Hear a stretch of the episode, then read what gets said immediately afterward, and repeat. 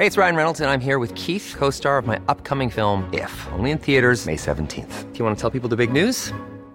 All right, I'll do it. Sign up now and you'll get unlimited for $15 a month in six months of Paramount Plus Essential Plan on us. Mintmobile.com slash switch. Upfront payment of $45 equivalent to $15 per month. Unlimited over 40 gigabytes per month. Face lower speeds. Videos at 480p. Active Mint customers by 531.24 get six months of Paramount Plus Essential Plan. Auto renews after six months. Offer ends May 31st, 2024. Separate Paramount Plus registration required. Terms and conditions apply if rated PG. A lot can happen in three years. Like a chatbot may be your new best friend. But what won't change? Needing health insurance. United Healthcare Tri Term Medical Plans, underwritten by Golden Rule Insurance Company, offer flexible, budget friendly coverage that lasts nearly three years in some states. Learn more at uh1.com. I'm Sandra, and I'm just the professional your small business was looking for. But you didn't hire me because you didn't use LinkedIn jobs. LinkedIn has professionals you can't find anywhere else, including those who aren't actively looking for a new job but might be open to the perfect role, like me.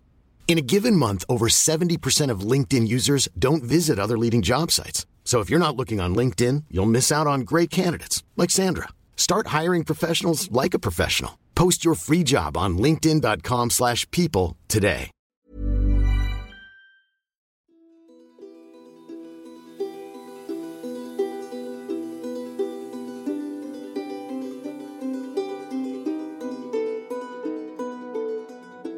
Per Oluf Svendsen har brukt de siste 36 årene av livet sitt til å hjelpe rusmisbrukere.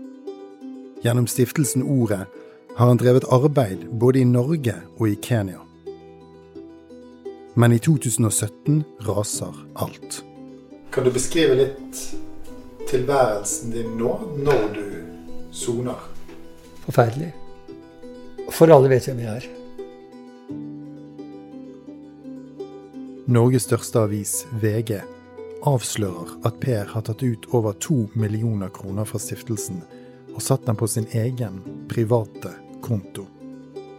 Ansiktet hans havner på forsiden av papiravisen. Du har sikkert sett bildet. Den slanke eldre mannen på vei inn i en sort Volkswagen SUV. Per har brukt utradisjonelle metoder. Og nå banker politiet på døren. For første gang forteller Per sin historie. Du lytter til Evangelist med fotlenke, og mitt navn er Bjørn Olav Hammerstad.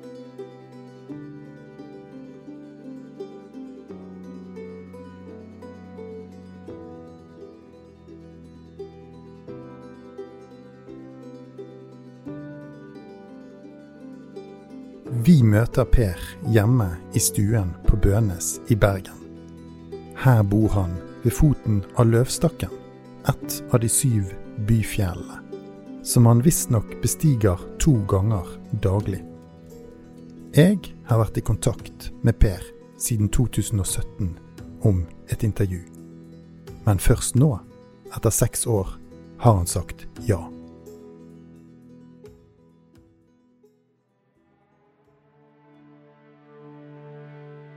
Per setter seg til rette i sofaen. 73-åringen gnir litt på fotlenken som strammer rundt ankelen, og tar en slurk kaffe.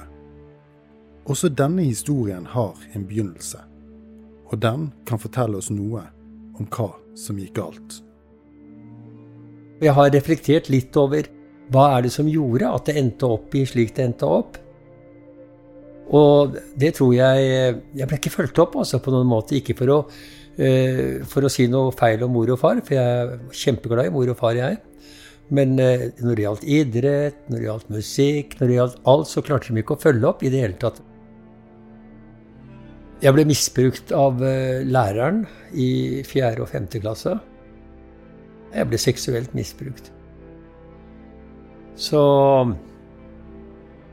Så det var det, da.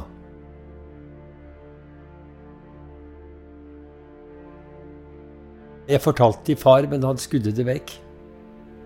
Han ville ikke høre om det i det hele tatt. Han fortalte aldri hvor det, men jeg snakket med far om det.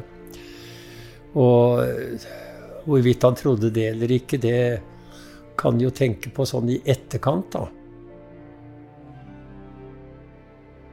Per klarte å fullføre barneskolen, men der sa det stopp. Etter konfirmasjonen gjorde han det som mange andre norske gutter gjorde på 60-tallet. Han mønstret på båt og dro på sjøen. Her fortsatte problemene. Jeg fikk hyre når jeg var 14 15 år. Så dro jeg på sjøen. Kom til Venezuela. Der ble jeg voldtatt. Jeg vet ikke om han var matros, eller hva han var. På en båt som het Hugo Hammer, var Ditlev Simonsen-båt. Da var jeg vel eh, 16, tenker jeg. Og jeg gikk til kapteinen og sa ifra, da. Og da ble jeg gjort veldig til latter om bord på båten. Også. Men eh, han ble jo da satt av. For da hadde vi dratt fra Venezuela og til eh, et sted nede i eh, Marokko, Beira. Og da når jeg kom til Venezuela tilbake igjen, så så jeg eh, elektrikeren om bord. Han sto og røyka på noe svært noe. Det så nesten ut som en sigar. Også. Og så spurte jeg hva er det du røyker på, sa jeg. Oh, this is gold man, sa han. Og så prøvde jeg. Og det var faktisk første gangen jeg prøvde narkotika. Og det syns jeg var fantastisk, altså. To dager etterpå så prøvde jeg kokain. Og så var det i gang. Etter kort tid var Per både kjøper, bruker og selger av narkotika. Det skulle sette en stopper for livet på sjøen. To ganger blir han nemlig tatt for å lange. Først i Caracas i Venezuela, og senere i Mombasa i Kenya. Så blir han sendt hjem til Norge.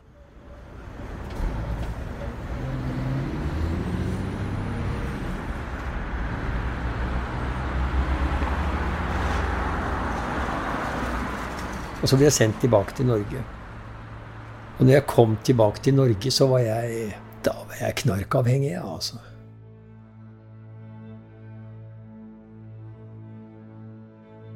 De neste årene er Per inn og ut av fengsel. Han er narkoman, driver med innbrudd og starter opprør i fengselet. På et tidspunkt gjør han også innbrudd i nabohuset til foreldrene på Oslo vest. Huset til høyrepolitiker Jan P. Syse, senere statsminister i Norge. Men på midten av 1980-tallet møter Per en mann i fengselet, som skal snu opp ned på livet hans. Så kom Frelsesarmeen på fengselet. vet du. Jeg lot luka være oppe pga. jeg fikk en pose vet du, med Gull Mix nummer tre og enkel risla, en pose med rosiner. Og så fikk vi masse sånne julekort og sånn, da. Men jeg hadde egentlig ingen å sende til. Også. Men ved to anledninger så knakka det på døra, da, og så gikk luka opp. Og da var det en frelsessoldat som titta inn, og så smil. Han smilte. vet. Jesus lever, han kan fullstendig sette deg fri, sa han. Og det var fingrene med en gang. Og så det, det, Jeg trodde ikke på Jesus, jeg.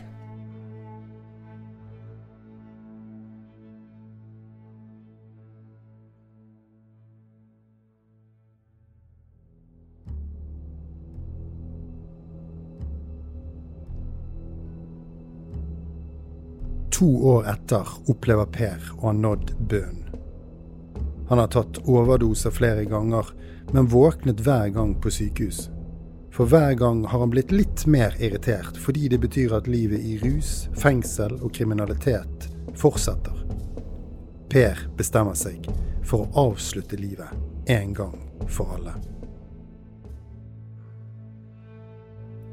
Det var jo liksom ikke noe vanskelig å forstå det, altså. Jeg hadde allerede for mange år siden slutta å drømme om et nytt liv. Drømme om å få seg en jobb og eh, få normalisert livet sitt. Altså, det så jeg som utopi. Altså, det, jeg så ikke noe verdi i det. Det, altså, det var dumt. Så ikke noe idé i det i det hele tatt. Så derfor så tenkte jeg jeg blir ferdig med det. Det må være en veldig befrielse, tenkte jeg faktisk også. Men mens han skal sette sin siste dose, begynner Per å tenke på frelsesoffiseren fra fengselet. Så er det vel feil å si jeg bøyde meg, men jeg ba en bønn, altså. Den gangen så hadde jeg ikke sagt ba en bønn, men jeg sa Kjære Jesus, om du virkelig er til, og du kan sette meg fri, så må du hjelpe meg nå.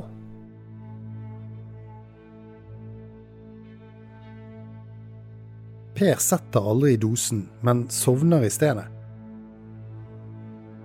Morgenen etter våkner han av at to kompiser fra narkomiljøet hamrer på døren. De vil sette dosene sine sammen med ham. Og når jeg reiv opp døra, så skvatt dem tilbake. Og så sier Arne til meg, 'Hva er det som har skjedd med deg?' sa han. Nei, ikke veit jeg, sa jeg. Og så fikk de stoffet sitt. De satte seg dosene sine. Jeg brukte ingenting, jeg. Siden den dagen har jeg ikke brukt noen ting. Ingenting.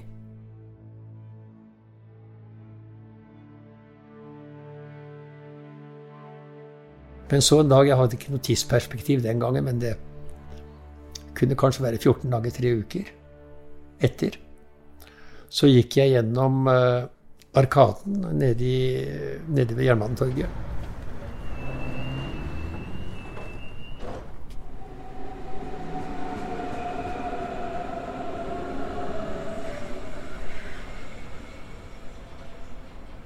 En sånn uh, handlepassasje. Og masse folk der. vet du. Det var hele haug av folk der også.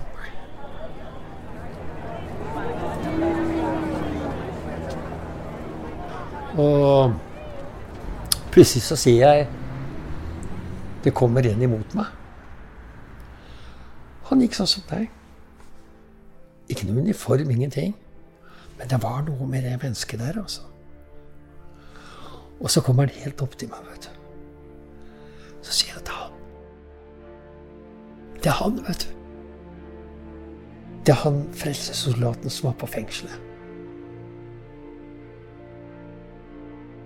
Og jeg stoppa opp og titta opp, og han titta forundra på meg, og så sa jeg Jesus lever, han kan sette deg fri.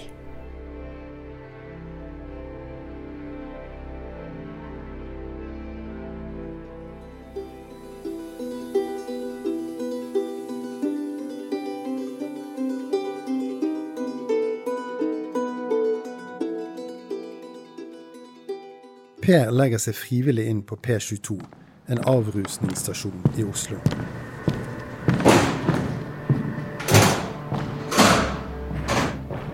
Der blir han mens han prøver å finne meningen med livet. En dag kommer lederen av avrusningsstasjonen, Bjørn Damman, bort til Svendsen.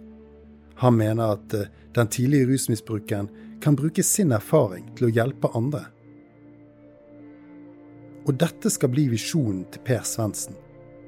Han skal bruke all sin tid på å hjelpe andre, men først må han lære hvordan han skal gjøre det. Og det skjer under et opphold på Valborgland gård i Grimstad på Sørlandet. Her får rusmisbrukere arbeidserfaring og bibelundervisning. Og det er her Per får erfare det som skal bli hans metode. Det var sånn at uh, til å begynne med så fikk du ikke seng. Du måtte gjøre deg fortjent i en seng. Så du fikk madrass å ligge på. Og vi lærte å be. Vi lærte å, å lese og lese og be og lese og faste. Det lærte vi oss. Per får med seg flere rusmisbrukere fra sitt tidligere miljø til gården. Allerede nå begynner han å hjelpe andre. Vi prata sammen. Jeg tok det med på trening sammen. Vi gikk turer. Vi løp turer. Vi var i skogen og pelte bær på sommeren. Vi hadde byturer sammen. veileda dem på en måte. Altså, det var jo noen som ville grave i den gamle møkka, vet du. Han det gamle, og da hadde det noe med å, å se på konsekvensene. Noe som heter konsekvenslære. Og da var det mange som tok det til etterretning også. Per flytter til Rogaland og tar seg jobb som grisepasser hos en kristen bonde på Randaberg.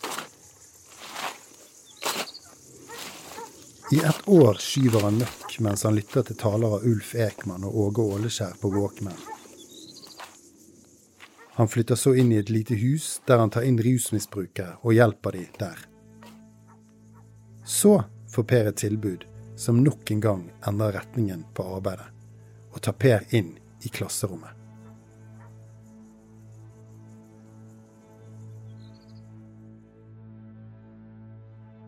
Og så lurte de på om jeg ville være med på undervisning. Og det sa jeg ja, og da hadde vi en prøve på en skole som het GAN. Skole med jeg tror det var 700 elever eller noe sånt. Med elevene på dagtid og foreldrene på kveldstid. Og når jeg var ferdig med det, så ble jeg nedringt av alle skoler i, nesten alle skoler i hele Rogaland. Så hva, hva gjorde du på det opplegget? Jeg underviste om rusproblematikk om eh, foreldres situasjon, om barnets situasjon, og hvordan samfunnet ødelegger barna. For når du er rusmisbruker, så er du ikke voksen selvstendig, men du er voksent barn. Til det hvor du fortsatt er i Du får utviklet trassen enda mer enn vanlig. Etter hvert møter han kona Inger som har barn fra et tidligere ekteskap. Og sammen begynner de å ta rusmisbrukere inn i hjemmet sitt. Det er ikke eh, sosialkontoret som er skyld i at du er der du er. Så du ba de å si fra seg offentlig? Ja. Vekk med den. Vil ikke ha noe av det. Hvorfor det? På grunn av at eh, når du blir frelst, vet du, så er du kongesønn, altså. Du er kongesønn. Du er kongesønn. Du er hodet, ikke hale, vet du. Du er oppreist og ikke nedsunken. Du er ikke stillestående, men du er fremadstormende. Det er du, vet du. Og derfor den, denne fysiske balansen. Det gir deg psykisk styrke til å tåle alle slagene du får i forhold til det livet du har levd før. Og metoden jeg bruker nå, nå står det jo det om du da ikke arbeider. Ja, da skal du heller ikke ete mat. Fantastisk ord, vet du.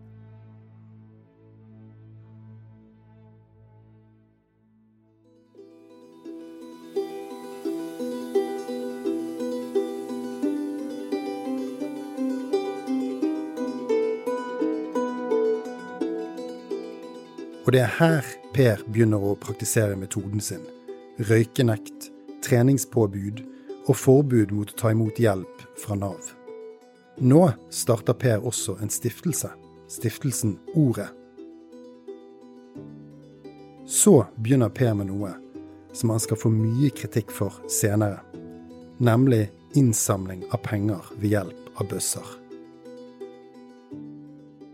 Vi spør Per hvordan kom han på den ideen? Jo, det kan jeg fortelle deg. I hele 90-tallet, da, til, til 99, så gikk det jo bare på gaver jeg fikk. Jeg fikk massevis av gaver. vet du. De ga inn. Som jeg brukte på rusmisbrukere. Og så var det en som sa til meg Jeg husker ikke hvem det var, jeg kan ikke minnes hvem det var, men han sa Hvorfor har du ikke innsamling til stiftelsen? La guttene stå med bøsse på utersiden av butikker. Tenk deg hvilket vitnesbyrd de kan bære fram. I de butikkene så kommer folk som har psykiske problemer, Folk som har mista datteren sin, mista sønnen sin. Eh, folk som er helt fortvila. 'Hvor er sønnen min? Hvor er datteren min?' Sitter de i fengsel? Det, og der har de svaret også. De kan spørre, og så får de de riktige svarene også. Og det syns jeg var glimrende, altså. Per og rusmisbrukerne reiser rundt med bøssene over hele landet. Han bor selv sammen med dem i en campingvogn, og står ifølge ham selv ofte sammen med dem utenfor butikker og kjøpesentre med bøsser. De har også med seg plakater med påskrifter som 'Norges befolkning gråter'. De samler inn ca. to millioner i året. Det skjer flere ganger på disse turene at pengene i bøssene ikke havner på stiftelsens konto, men på kontoene til Per. Denne praksisen gjør at myndighetene senere skal mistenke ham for å berike seg selv på bekostning av stiftelsen. Men Per har en annen forklaring på hvorfor han gjør dette. Da var det en del, eh, en del sånn som jeg tok inn på reise, da. Som eh, var avtent på amfetamin. Som var heroinsjuke. Som ville slutte med metadon. Og alt det som henger ved det. Og de lå i vogna sjuke. Så kom vi tilbake fra innsamling. Vi hadde gjerne to vogner med oss og to biler. Da var vi kanskje syv-åtte rusmisbrukere. Og så tenkte jeg nei, vi setter inn når jeg kommer hjem. Sant? For jeg hadde ikke kortet med meg. Og så endte det opp med at eh, jeg satte penger inn fra, fra innsamlede midler rett inn på privat konto. Men jeg kan vise deg det seinere. Men av de pengene jeg satte inn, så brukte jeg privatkontoen ut igjen. Mer enn det jeg satte inn. Det har vi her.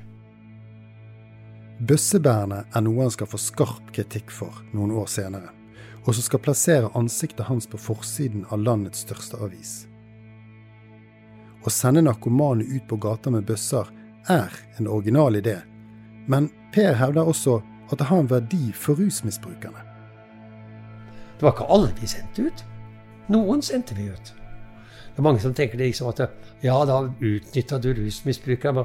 Nei, vi sendte dem ut, og de kom stolte tilbake igjen. vet du. Frem til nå har Per vært en respektert arbeider innen rusfeltet, som har reist på skolebesøk og fått støtte fra politikere og kristenledere. Om noen år vil bruken av bøssebæret rasere både stiftelsen og Pers navn og rykte. Men før det skjer, blir arbeidet til Per enda mer eksotisk.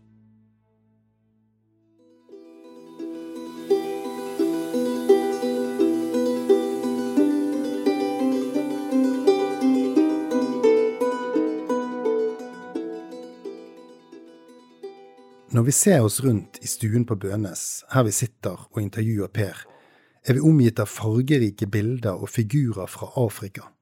Det er en grunn til det. For rundt årtusenskiftet gikk Per i menigheten Levende Ord i Bergen.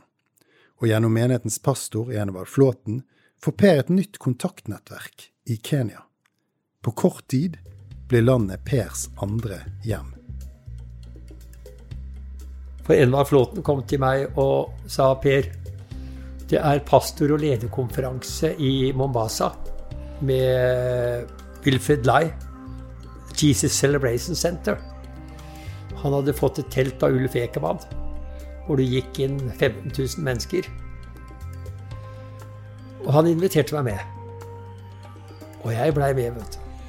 Så kjørte vi buss, vet du, og alle prøvde å holde meg av disse pastorene, vet du. For jeg så en hel masse afrikanere, vet du. Og, og, jeg følte meg så hjemme, altså. Jeg følte meg så hjemme, altså.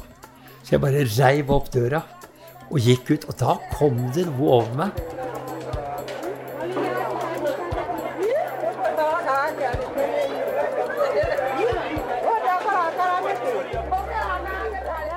Velkommen hjem.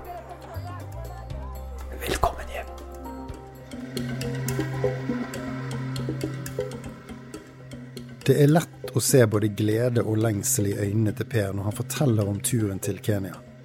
Han forteller mange historier om både denne og andre turer til landet. Og det er vanskelig for oss å ettergå alle historiene, men vi tar likevel med en av dem. Om ikke annet sier den ganske mye om Per. Så kommer det en eh, kar til meg og sier eh, du, det er en pastor inne i Matareslummen som gjerne vil snakke med deg. Lurte på om du kunne ha et møte der inne i Matareslummen. Ja, sa jeg, det er greit. Og så skulle vi ha en drosje inn der, da. Men drosjesjåføren ville ikke kjøre oss inn. For det hadde aldri vært noen hvite der før. Det er, så, det er 800 000 mennesker som ikke vet hva de skal spise i morgen. Det er derfor Nairobi blir kalt Nairobi. Men så var det en som uh, ville kjøre meg inn, og vi kjørte inn. Og på vei inn, det ikke jeg veit, da, det er at en bandeleder som, het, som heter Josef Niamongo Ovino, han fikk høre av medlemmene sine, for han hadde en hel haug med medlemmer hvor de rana, hvor de drepte, hvor de solgte på knark, hvor de solgte på alkohol. Alt sånt. De så oss, og de sa vi skal rane dem. Vi skal ta bilen fra dem. Og så går jeg inn, og den, den menigheten den er som halve stua her. Og to gedigne høyttalere som var så svære, også. Så skulle nesten tro at eh, dess høyere du roper, altså, dess mer hellig er du, altså. Og jeg begynte egentlig å snakke, og det satt bare noen sånne sultne afrikanere der. Og etter jeg begynte å prate, så kommer det en og det var Josef Niomongo Vino. Jeg visste ikke det da. Og han sa 'Hva er det du prater om?' sa han. 'Vi hører det her ute. Kan du komme ut og fortelle oss?' Så satte vi høyttalerne ut, og blant de 15 som var inne, så var det tjokt av folk der ute. Og så fortalte jeg vitnesbyrdet mitt. Og det Der var det mange som ble frelst, altså.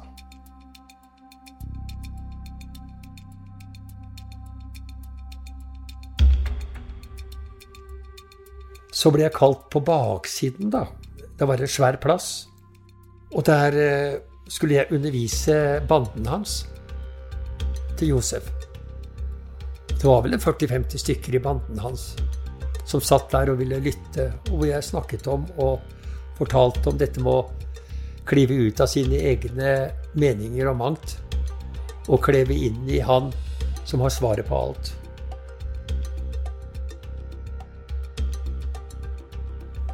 Og jeg husker eh, det begynte å nærme seg kveld. Det var spennende der, jo. Dagen etter da, så, så kjørte jeg og Tor Rune rundt for å finne en badekar.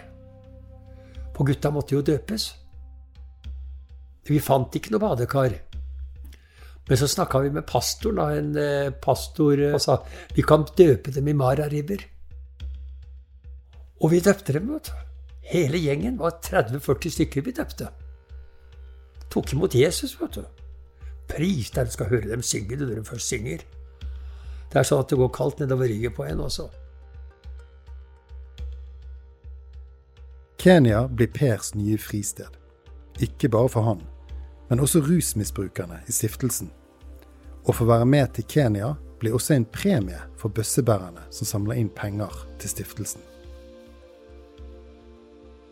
Så kommer de igjen da og skal være med da og samle inn. og Så i løpet av tre dager så har han samla inn 1500 kroner.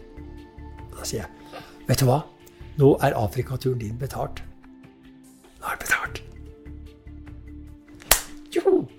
Og han ble jo kjempeglad, vet du. Og det var reise tur-retur til eh, Kenya, da. Safari. Og ned til Mombasa, hvor vi hadde dykkeferie. og koste oss i 38 varmegrader i saltvannet. Og jeg lærte dem å dykke, og, og vi tok det med på reise nordover mot grensa til Sudan, hvor vi ga mat til unådde folkeslag. Hvorfor tok du de dit? For at de skulle få noe annet oppi computeren. For å få noe oppi computeren. Du vet, F.eks. hvis du er under vann og dykker, vet du, så tenker du ikke på at nå skulle det vært godt med en tjall. Nå skulle det vært godt med en drink. Tenker ikke det, vet du.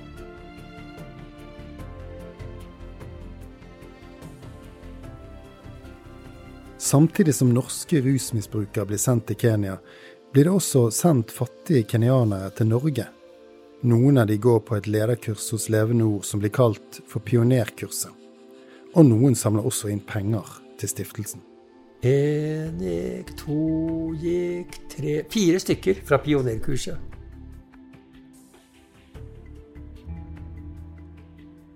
Mens Per har utvidet virksomheten sin til å omfatte bøssebærere og kenyanere, får norske myndigheter inn et tips.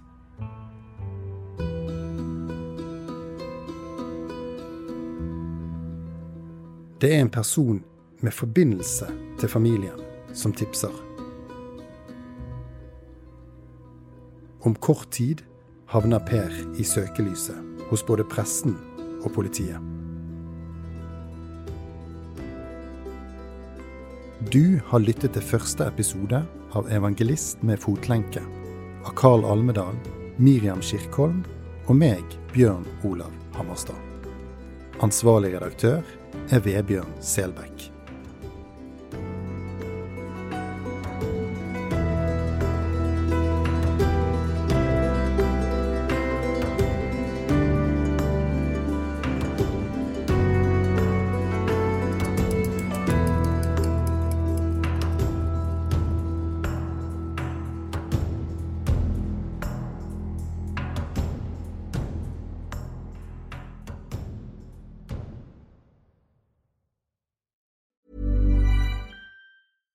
Hey, it's Paige DeSorbo from Giggly Squad. High quality fashion without the price tag. Say hello to Quince. I'm snagging high-end essentials like cozy cashmere sweaters, sleek leather jackets, fine jewelry, and so much more. With Quince being 50 to 80% less than similar brands. And they partner with factories that prioritize safe, ethical, and responsible manufacturing. I love that. Luxury quality within reach. Go to quince.com slash style to get free shipping and 365 day returns on your next order. Quince.com slash style.